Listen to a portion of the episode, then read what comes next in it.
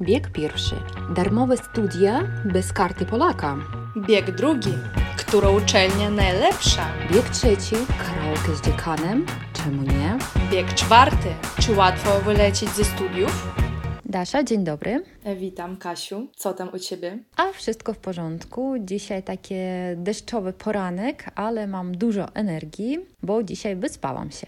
A ty? W końcu. Też się wyspałam. Zazwyczaj jest tak, że jak się budzę w sobotę, to się budzę o 7 rano. A jak e, się budzę w poniedziałek, to e, nawet z budzikiem nie mogę się obudzić. Więc jak na złość, nie? Że jak jest weekend, no to kurde, wczesna pora i już masz energię. Czyli budzik, zegar biologiczny działa u ciebie perfekcyjnie, tak? Na to wychodzi. Dasz, czy czekasz y, na zmianę czasu? Z jednej strony tak, bo wtedy będę mogła pospać godzinę dłużej, ale o godzinie 16 już będzie ciemno i to mi się nie podoba strasznie. Będziesz wracała z pracy już po ciemku, tak? Tak, no więc może wybiorę opcję pracować z domu. O tak, to zawsze jest dobrze. Nasze, to e, jakie dzisiaj mamy święto w Rosji? Dzień nauczyciela.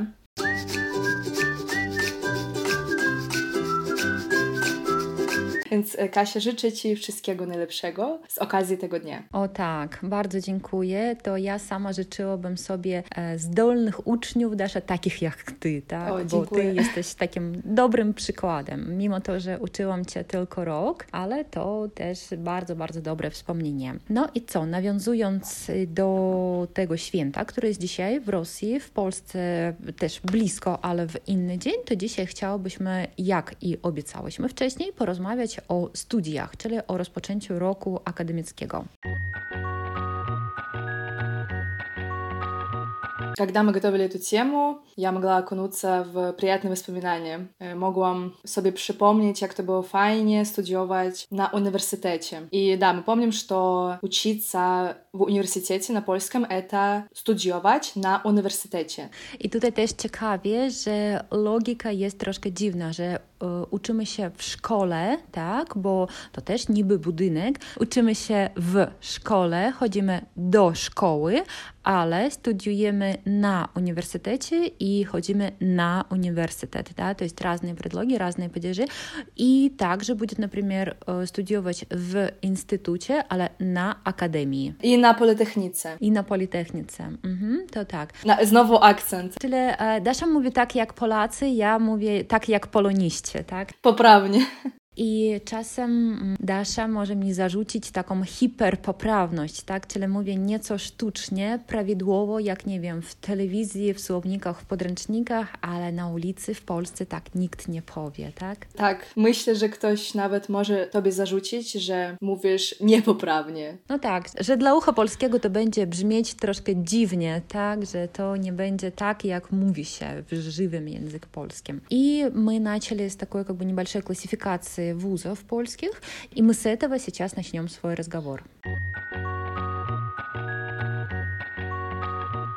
Uczelnie wyższe w Polsce dzielą się na trzy kategorie. Wyższe учебное заведение w Polsce dzielится na trzy kategorie. Uczelnie akademickie, uczelnie niepubliczne, uczelnie zawodowe. В чем же разница? Uczelnia akademicka — это государственный вуз. И у нас в России считается, что государственный вуз — это такая гарантия образования, это более качественное образование. Мы немножко пренебрежительно относимся иногда к частным вузам. Как правило, люди идут туда получать второе образование, либо заочное образование. Конечно, может быть, по каким-то показателям они тоже не отстают от государственных вузов в России, но в Польше ситуация совсем другая. Даш, что ты можешь сказать о учельнях непубличных, о частных учебных заведениях? В Польше очень много именно частных вузов, которые славятся очень неплохим рейтингом. Например, Польско-японская академия техник компьютеровых в Варшаве. Bardzo innowacyjna uczelnia. Японско-польская академия компьютерных технологий в Варшаве. Это очень-очень такой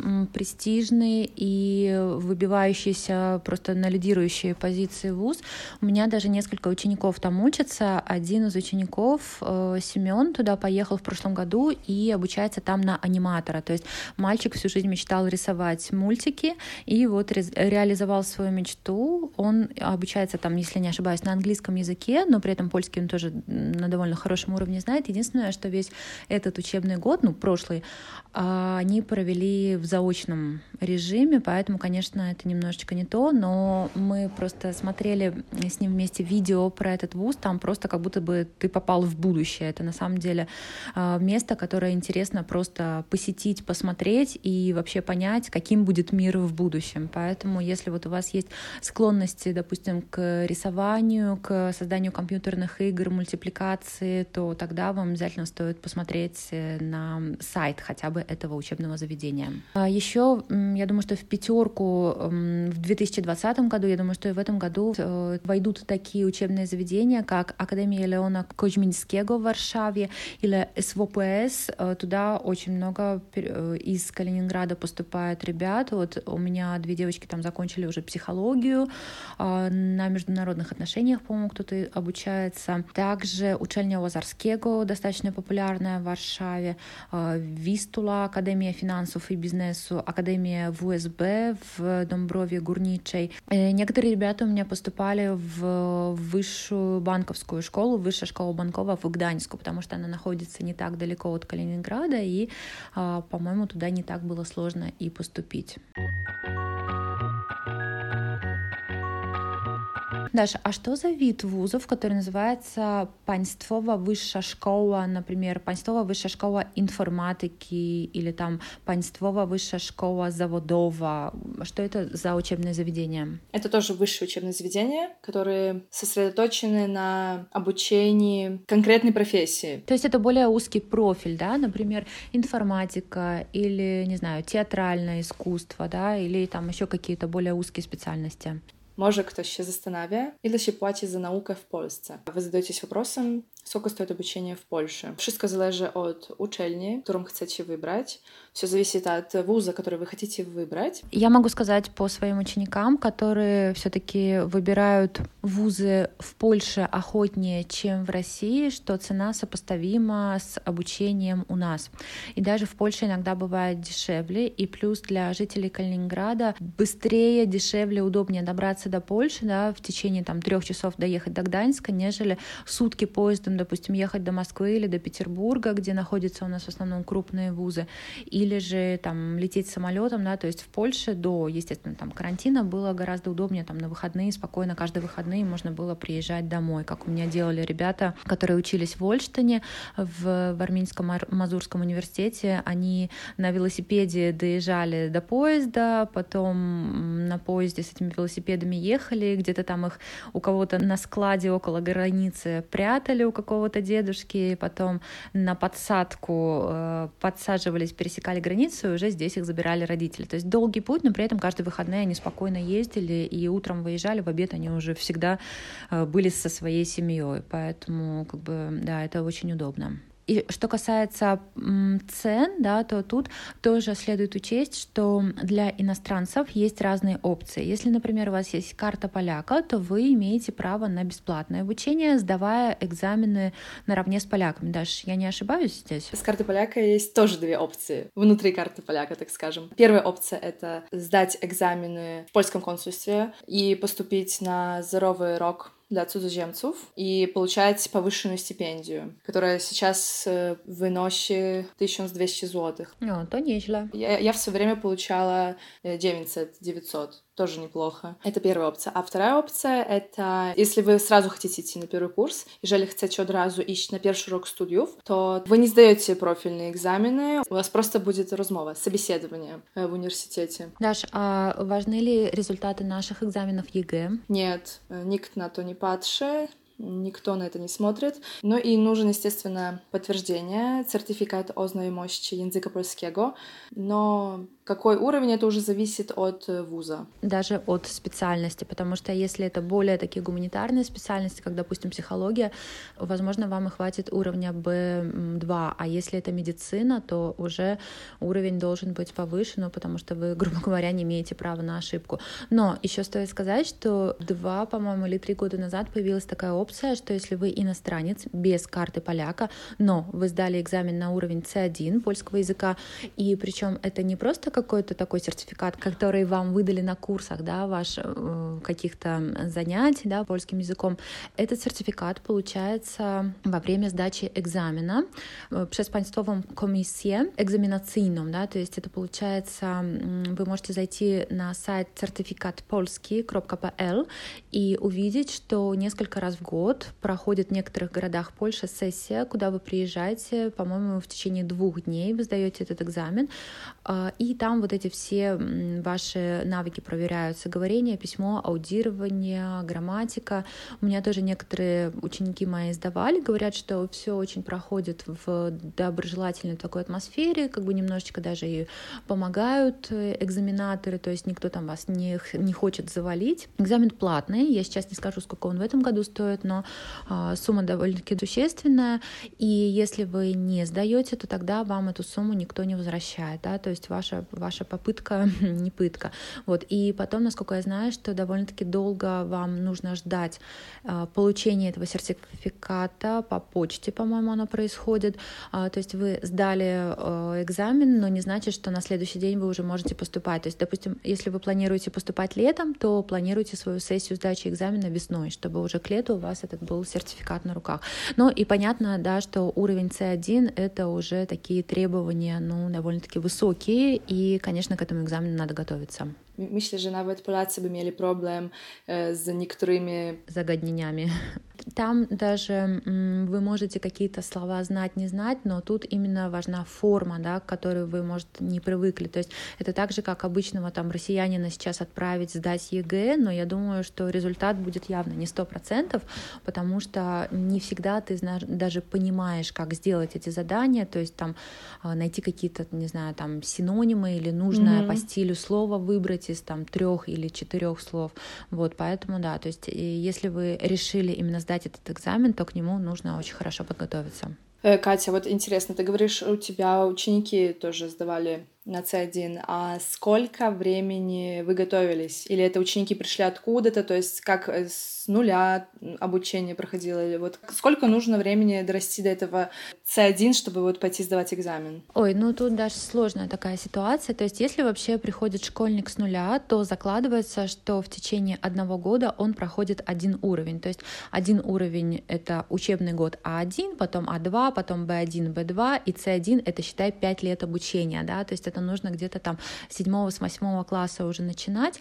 Но, естественно, если человек мотивирован, если у него сжатые сроки, то я думаю, что до C1, ну, за два года такой интенсивной, суперинтенсивной работы реально дойти. Но, естественно, я бы советовала уже последний вот этот вот уровень C1 изучать именно с носителем языка, причем не просто там с поляком, а с тем, который именно специализирован, заточен именно на сдачу этих экзаменов. И у меня даже вот э, была ситуация, что девочка уехала с уровнем B2, отучилась на медицине в Егелонском университете, по-моему, до третьего курса, и потом уже она сдала этот экзамен, уже три года проучившись на платном, и перевелась на бюджет. То есть она вот уже э, в тракте студиев, да, то есть вы можете поступить на платный, потом сдать на этот сертификат, когда уже в Польше хорошо выучите язык, и потом перевестись на бюджет. No to fajnie wiedzieć. Даш, ну мы забыли сказать самое главное. Какой же ты закончила университет? Я skończyłam Uniwersytet Gdański, ale to nie wszystko, это не все. Закончила Гданьский университет, а факультет мой межуниверситетный. Это Międzyuczelniany Wydział Biotechnologii na Uniwersytecie Gdańskim oraz Gdańskim Uniwersytecie Medycznym. Więc wyjątkowy kierunek.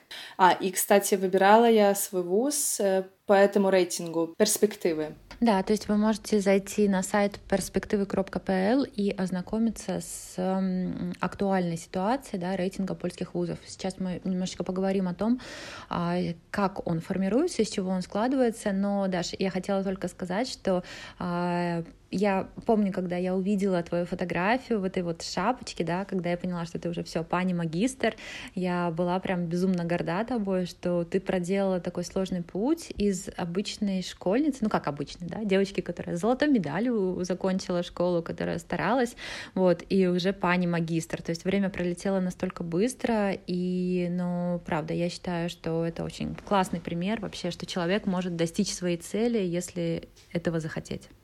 Thank you. Даш, а когда ты выбирала э, свой факультет, вообще sразу ли ty znała, że ty pójdziesz w эту специальность, или у тебя были какие-то варианты? Szczerze mówiąc, ja po prostu chciałam wyjechać do Polski, to po pierwsze. Ja chciałam po prostu jechać w Polskę teraz, próbować swoje siły. Ja byłam dobra z chemii i matematyki, no i też, jak ja kiedyś mówiłam, że ciężko się zdecydować na coś, kiedy masz 18 lat. Тяжело решиться куда-то поступать и знать, что это будет твое, когда тебе всего 18 лет. Ну, и я выбрала биотехнологию, потому что мне она подходила по предметам и подумала, очень перспективное направление. Bardzo perspektywiczny kierunek, zwłaszcza teraz w czasach covidowych. I czy ja myślałam zmienić kierunek? Nie. Не думала я, чтобы поменять направление. Да, было тяжело, было ciężko, były histerie, byli истерики, łzy, слезы, rzucanie podręcznikami, brosanie учебниками, но... Даш, czy było warto? Так, to było warto. Это того стоило. Ну и да, я не работаю как биотехнолог безпосередньо в лабораторию. Тем не менее, моя работа имеет отношение к, к биотехнологии, к химии, як najbardziej. Ну, в любом случае, Даш, у тебя есть в кармане диплом о высшем образовании в Польше, который ты успешно закончила, что это не какая-то там супер э, легкая профессия, да, что это серьезное образование. Я думаю, что в любом случае это все было не зря, и оно тебе пригодится. Конечно, например, на początku roku у нас было 100 osób, jakoś tak, a na trzecim roku studiów zostało 40. Нас было сначала 100, а осталось нас 40. И из иностранцев в конечном итоге осталась только я. Угу. Самая wytrwała. Даша была мотивированная, активная, да, wytrwała такая gwiazdeczka. Даша хотела сказать, что по твоим стопам сейчас вот поступила еще одна девочка, она сдала 100 баллов химию ЕГЭ в Калининграде, польский тоже у нее, по-моему, B2, даже там C1, вот, и она вот тоже по твоим стопам пошла, так что Надеюсь, что тоже у нее все сложится. И вообще хотела тоже пару слов сказать, что мои ученики поступали абсолютно на разные специальности, но э, чаще всего из Калининграда едут на архитектуру, на медицину, ну и, наверное, что-то такое связано с экономикой, потому что у нас медицинское направление в Калининграде не очень такое как сказать, традиционное, то есть оно не так давно возникло, архитектура тоже, ну так честно говоря, не особо хвалят, вот, а именно в Польше это уже просто ну, веками сложившееся традиционное такое образование, которое на уровне во всей Европе, если не во всем мире, то есть э, это того стоит. Да, обучение сложное, а, такое вдумчивое, это фундаментальное образование, но это того стоит, то есть если вы правда об этом мечтали, вы решили свою жизнь посвятить именно вот таким направлением, то я думаю, что стоит, стоит попробовать.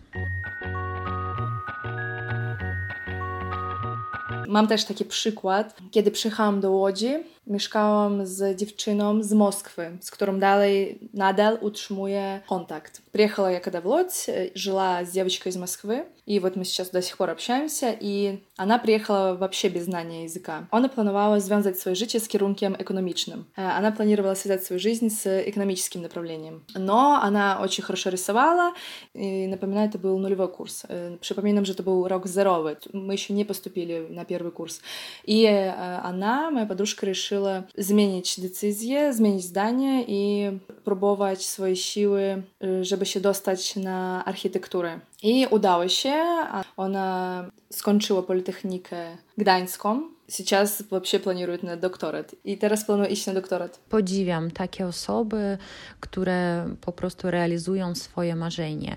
Но это на самом деле очень классно, что э, вот эта девочка имела год возможности, да, чтобы понять, все-таки решить, что именно она хочет, потому что, как правило, когда мы еще учимся в школе, либо родители формируют, да, наше мнение о том, что куда мы хотим поступать, либо мы очень переживаем, вот мне, допустим, не дается биология, я никогда не поступлю там на тот или иной факультет, а, возможно, просто у вас были проблемы там с учителем, например, или, ну, просто вот методика вам не подходила, а если подойти с другой точки зрения к этому э, предмету какому-то, да, вы спокойно, может быть, и овладели бы им, поэтому очень здорово. Ну и сейчас вообще, то есть такая есть тенденция, что после школы ученики берут такой gap year, да, то есть год э, свободы, когда они вообще понимают, чем они хотят заниматься, идут, например, на работу или изучают какой-то язык иностранный или просто, не знаю, едут путешествовать и за этот год решают вообще, чем они хотят заниматься в жизни. Ну и то не есть głupie, myślę. Этот год может много чего dać.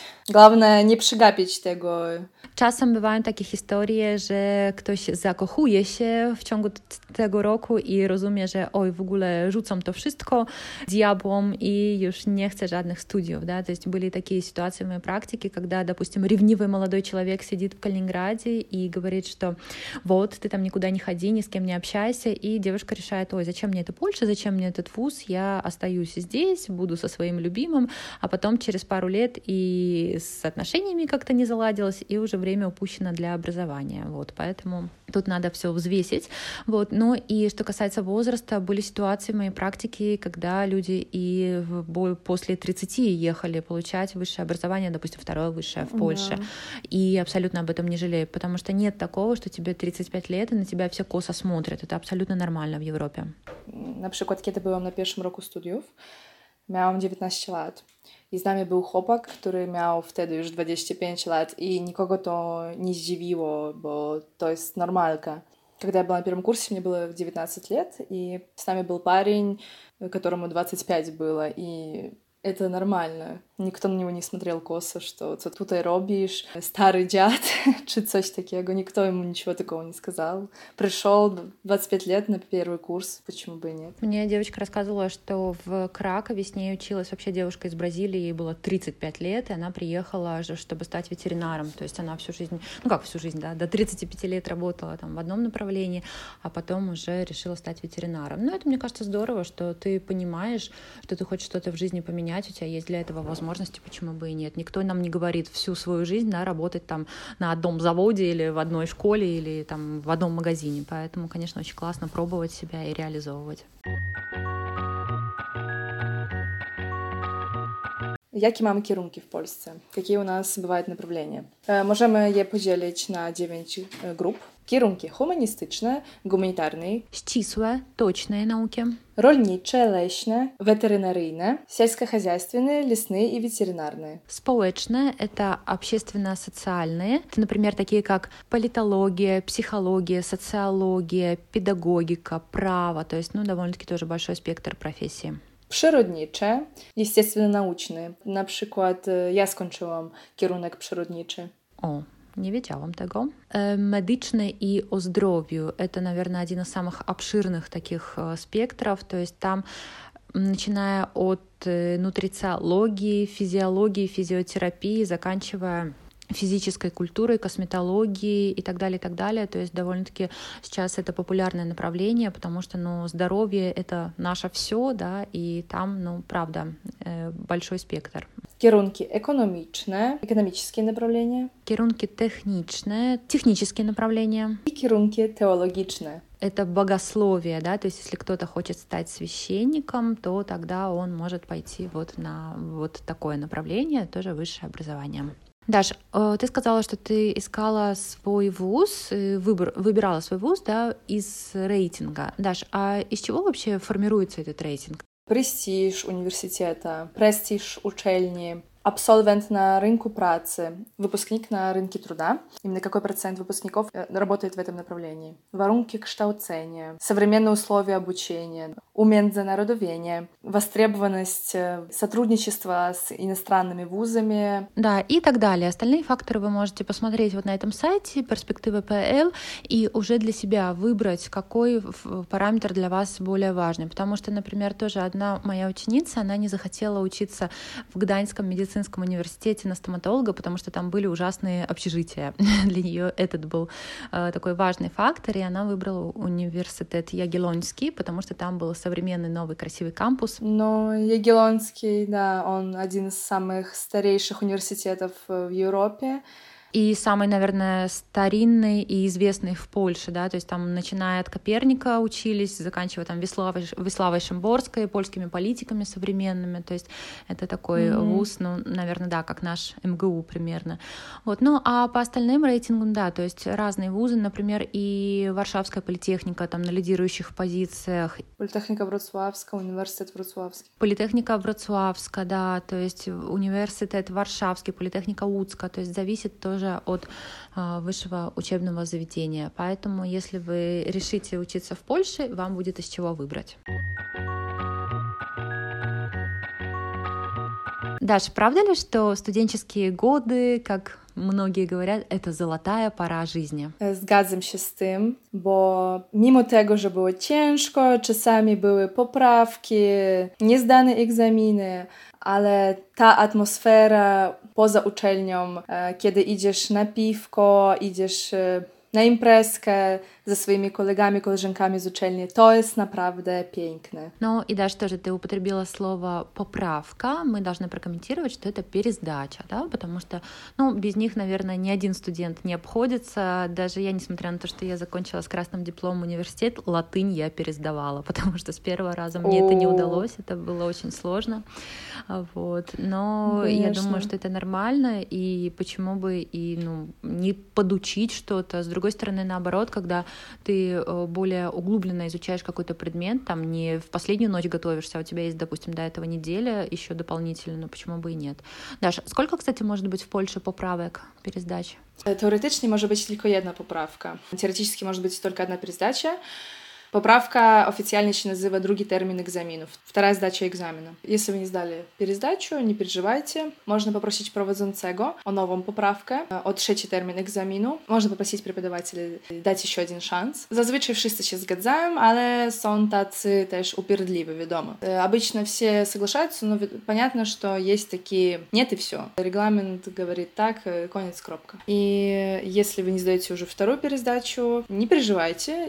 Завтра есть экзамен экзамен комиссийный. Экзамен с комиссии. Экзамен с комиссией, когда уже сидит декан или заместитель декана, декан, продекан, преподаватель, проводzący и, и еще особо з учельни. Но если вы тогда не сдаете, прошу się не przejmować. Вы можете всегда повторить предмет, повторить предмет. Это называется варунок, условия, если дословно переводить вы платите определенную сумму, окрещенную квоты. Например, вы приходите на следующий год, у вас все предметы, и добавляется этот предмет, который вы не сдали с прошлого года, далее проходите его программу и приходите на экзамен и еще раз сдаете. Если тогда уже не сдаете, to już sprawa będzie trochę bardziej skomplikowana. Ale zazwyczaj, no, żeby nie zdać za drugim razem, to ja nie wiem, trzeba naprawdę po prostu не ходить на зajęcia и się не учить вcale. Ну и тут тоже мы можем сказать, что все оценки в Польше ставятся до индексу. И индекс — это не на адресе на конверте, а это зачетная книжка, да, зачетка называется индекс по-польски. Да, а индекс именно как почтовый индекс — это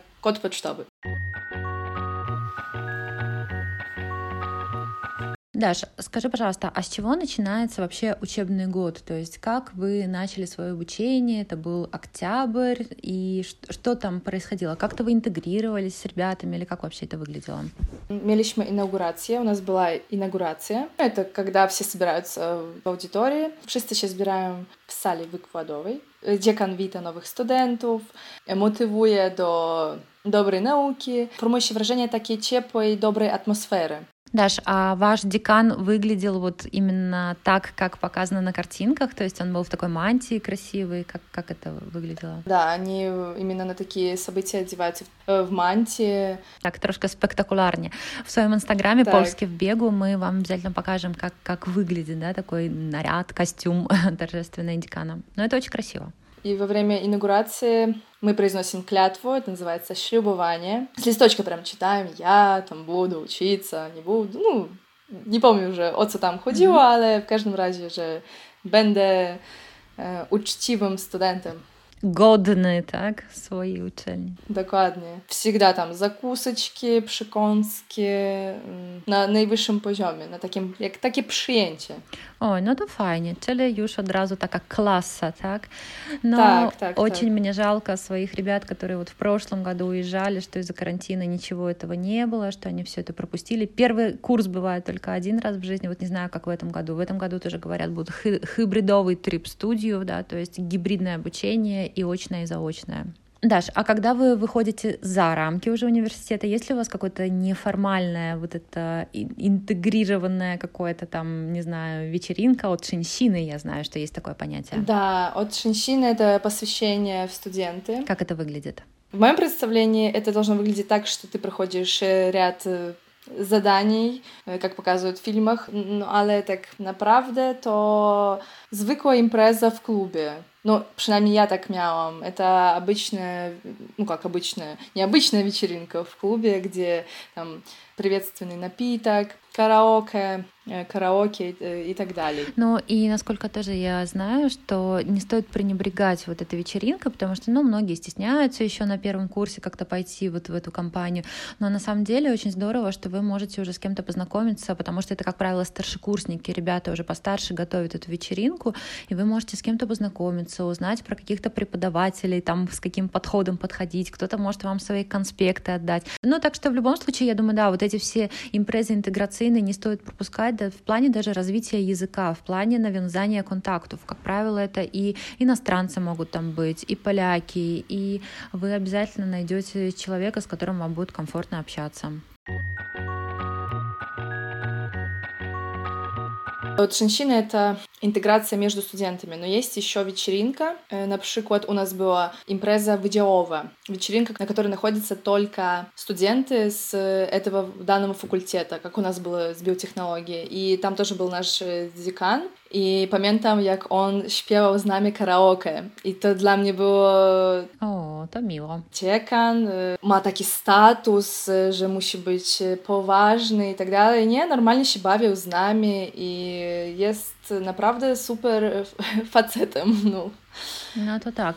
А в этом плане я тоже заметила такой контраст, когда мы тоже ездили в Польшу на практике, э, польские преподаватели нас и приглашали даже в гости, мы к ним ездили там на дяуке, на грила, или же мы просто ходили с ними в какой-то бар, там кафе, то есть, ну, нет вот такой жесткой дистанции, да, что вот где мы, а где вы, студенты, то есть вы там уровнем ниже, нет, это абсолютно такое на равных общение, понятно, есть какая-то субординация, но при этом это человек человек, которому, да, ты можешь написать mail, обратиться с почтой, поговорить по душам, там, каких-то темах. Вот, поэтому, мне кажется, это очень хорошая традиция, что это такое прям целое студенческое братство, и преподаватели в это братство входят. Кстати, Кать, ты сказала про эмейлы, и тоже очень интересная тема, на самом деле, потому что, э, по-перше, э, mówię написать мейла, написать эмейла, если так дословно перевести, ну, написать мейл, э, или У нас w uniwersytecie даже wytyczne, jak się pisze maile do pana doktora, czy tam э, до pana профессора. Я на первом курсе немножко не знала, как обращаться к преподавателям именно в имейлах, и потому что я писала «День добрый, panie Grzegorz». Dzień dobry, pan Grzegorz. Mam pytanie do pana, coś tam, coś tam. Ну, как бы, ну это, если перевести на русский, это звучит нормально. Здравствуйте, пан Гжегош, у меня тут к вам вопрос, но нет, так э, еще не пишет. Но я, у меня еще тогда был русский имейл, и было видно, что я иностранка, поэтому я думаю, они мне это выбачили. Тебе прощали это, да? Так, э, а się dowiedziałam, że się pisze Szanowny panie profesorze. Именно пани профессорze, так? Или шановна пани магистр, так, на przykład. Так, шановна пани профессор. I все, i potem wy zwracam się do pani, do pana z prośbą albo z informacją, z pytaniem, z czymkolwiek. No i w końcu z poważaniem, z, z wyrazami szacunku albo pozdrawiam, Дарья Борис. Ну да, то есть тут тоже такой определенный этикет существует. Если мы обращаемся к учителям, к преподавателям, как правило, по имени-отчеству в России, то в Польше пани магистр, або там пани магистше, да, тут используется и звательный падеж тоже, и по имени мы к ним не обращаемся. То есть пани профессорши, чи могут задать питание, и мы как бы не говорим там Гжегош там он или Януш. Я Гжещу, ну. Да, будьте внимательны. Вообще не стоит стесняться того, что вы иностранец. Наоборот, это такой лайфхак. Profesorowie pomagają, jak na przykład czegoś nie zdaliście, jakiegoś przedmiotu, egzaminu z tego przedmiotu. Советую всегда, если вы что-то не сдали, посмотреть свою работу. И у меня было, было много таких ситуаций, когда мне не хватало буквально полпункта, вот серьезно, чтобы получить три, так, оцены достаточном, удовлетворительную оценку. И тогда я говорила, ну я просто, мне тяжело, тяжело, но мне реально тогда было тяжело все-таки на первом курсе. Było mi bardzo ciężko na pierwszym roku, tak, i, i oni czasami, dobra, to przyjdziesz jutro, jakieś pytanko ci задам, и będzie z głowy. Всегда можно как-то договориться на, на следующую пересдачу, вне, то есть это не поправка. Неофициальную, да. Да, угу. это как допытка, точно называю, допыт. Дополнительный, да, вопрос какой-то.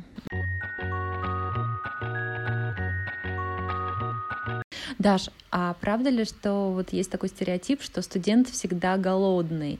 Как вообще обстоит дело с питанием студентов? Есть ли столовые в польских вузах и вообще как это все выглядит? Во многих столовых, это даже если говорить не университетские столовые, а где-то gdzieś w centrum miasta, w centrum города, то зазвичай nawet jak masz легитимацию студентскую, если у тебя есть студак, как говорится, да, то обед у тебя со скидкой. А если говорить уже про университеты, то зазвичай bardzo tanie jedzenie, dobre, domowe, jak u mamy. Дешево, вкусно, как у мамы. Duże порции, большие порции. Но я была очень удивлена, когда побывала в студенческих столовой во Вроцлаве, то есть в нее может попасть любой желающий и при этом съесть недорогой обед. И я была очень удивлена, что, правда, там очень много опций, допустим, для вегетарианцев или там для людей, исповедующих правильное питание. То есть, ну, это не просто там, не знаю, котлета и гречка какая-то, это, правда, довольно большой выбор салатов, десертов, там даже пицца была какая-то, там рыба на пару приготовленная, спаржа. То есть, ну, такое меню а, довольно-таки неплохого ресторана или кафе, при этом по абсолютно доступным, приятным ценам. Там было чисто, красиво. Самообслуживание, да, самообслуга, то есть э, каждый потом спшонта по своим обеде, да, то есть вы относите свой поднос, таце э, с посудой. Даш, ну что, я думаю, что мы сегодня затронули довольно-таки много тем. Естественно, тема студенчества, она бесконечная. Тут можно поговорить и о студенческих обменах Erasmus, на который ты тоже ездила, тоже, я думаю, что есть что вспомнить, о том, как студенты могут зарабатывать, о том, как снимать общежитие, либо станция, да, что такое станция, что это не стация Колаева, да, что это такое студенческая, ну, как квартира, да, съемная и вы можете э, задать какие-то интересующие вас темы про образование в Польше. Тут уже Даша компетентна на 100%, потому что сама прошла этот путь. И в нашем инстаграме «Польский в бегу» обязательно пишите нам, э, что именно вас интересует, и мы можем записать еще выпуск именно про вузы, про обучение. И, ребят, вот прям просьба к вам. Мы видим, что очень многие нас слушают именно через Apple. Но у нас там очень мало оценок. Пожалуйста, не скупитесь на звездочки, желательно на пятерочки и отзывы. Да, ну и, естественно, приходите к нам на Инстаграм Польский в бегу, э, подписывайтесь, ставьте лайки, сердушка, сохраняйте наши посты. Обратную связь э, ждем от вас. I do usłyszenia za tydzień. Życzymy Wam dobrego dnia, dobrego wieczoru, dobrej nocy komuś e, i do usłyszenia za tydzień. Pa, pa. Na razie. Pa.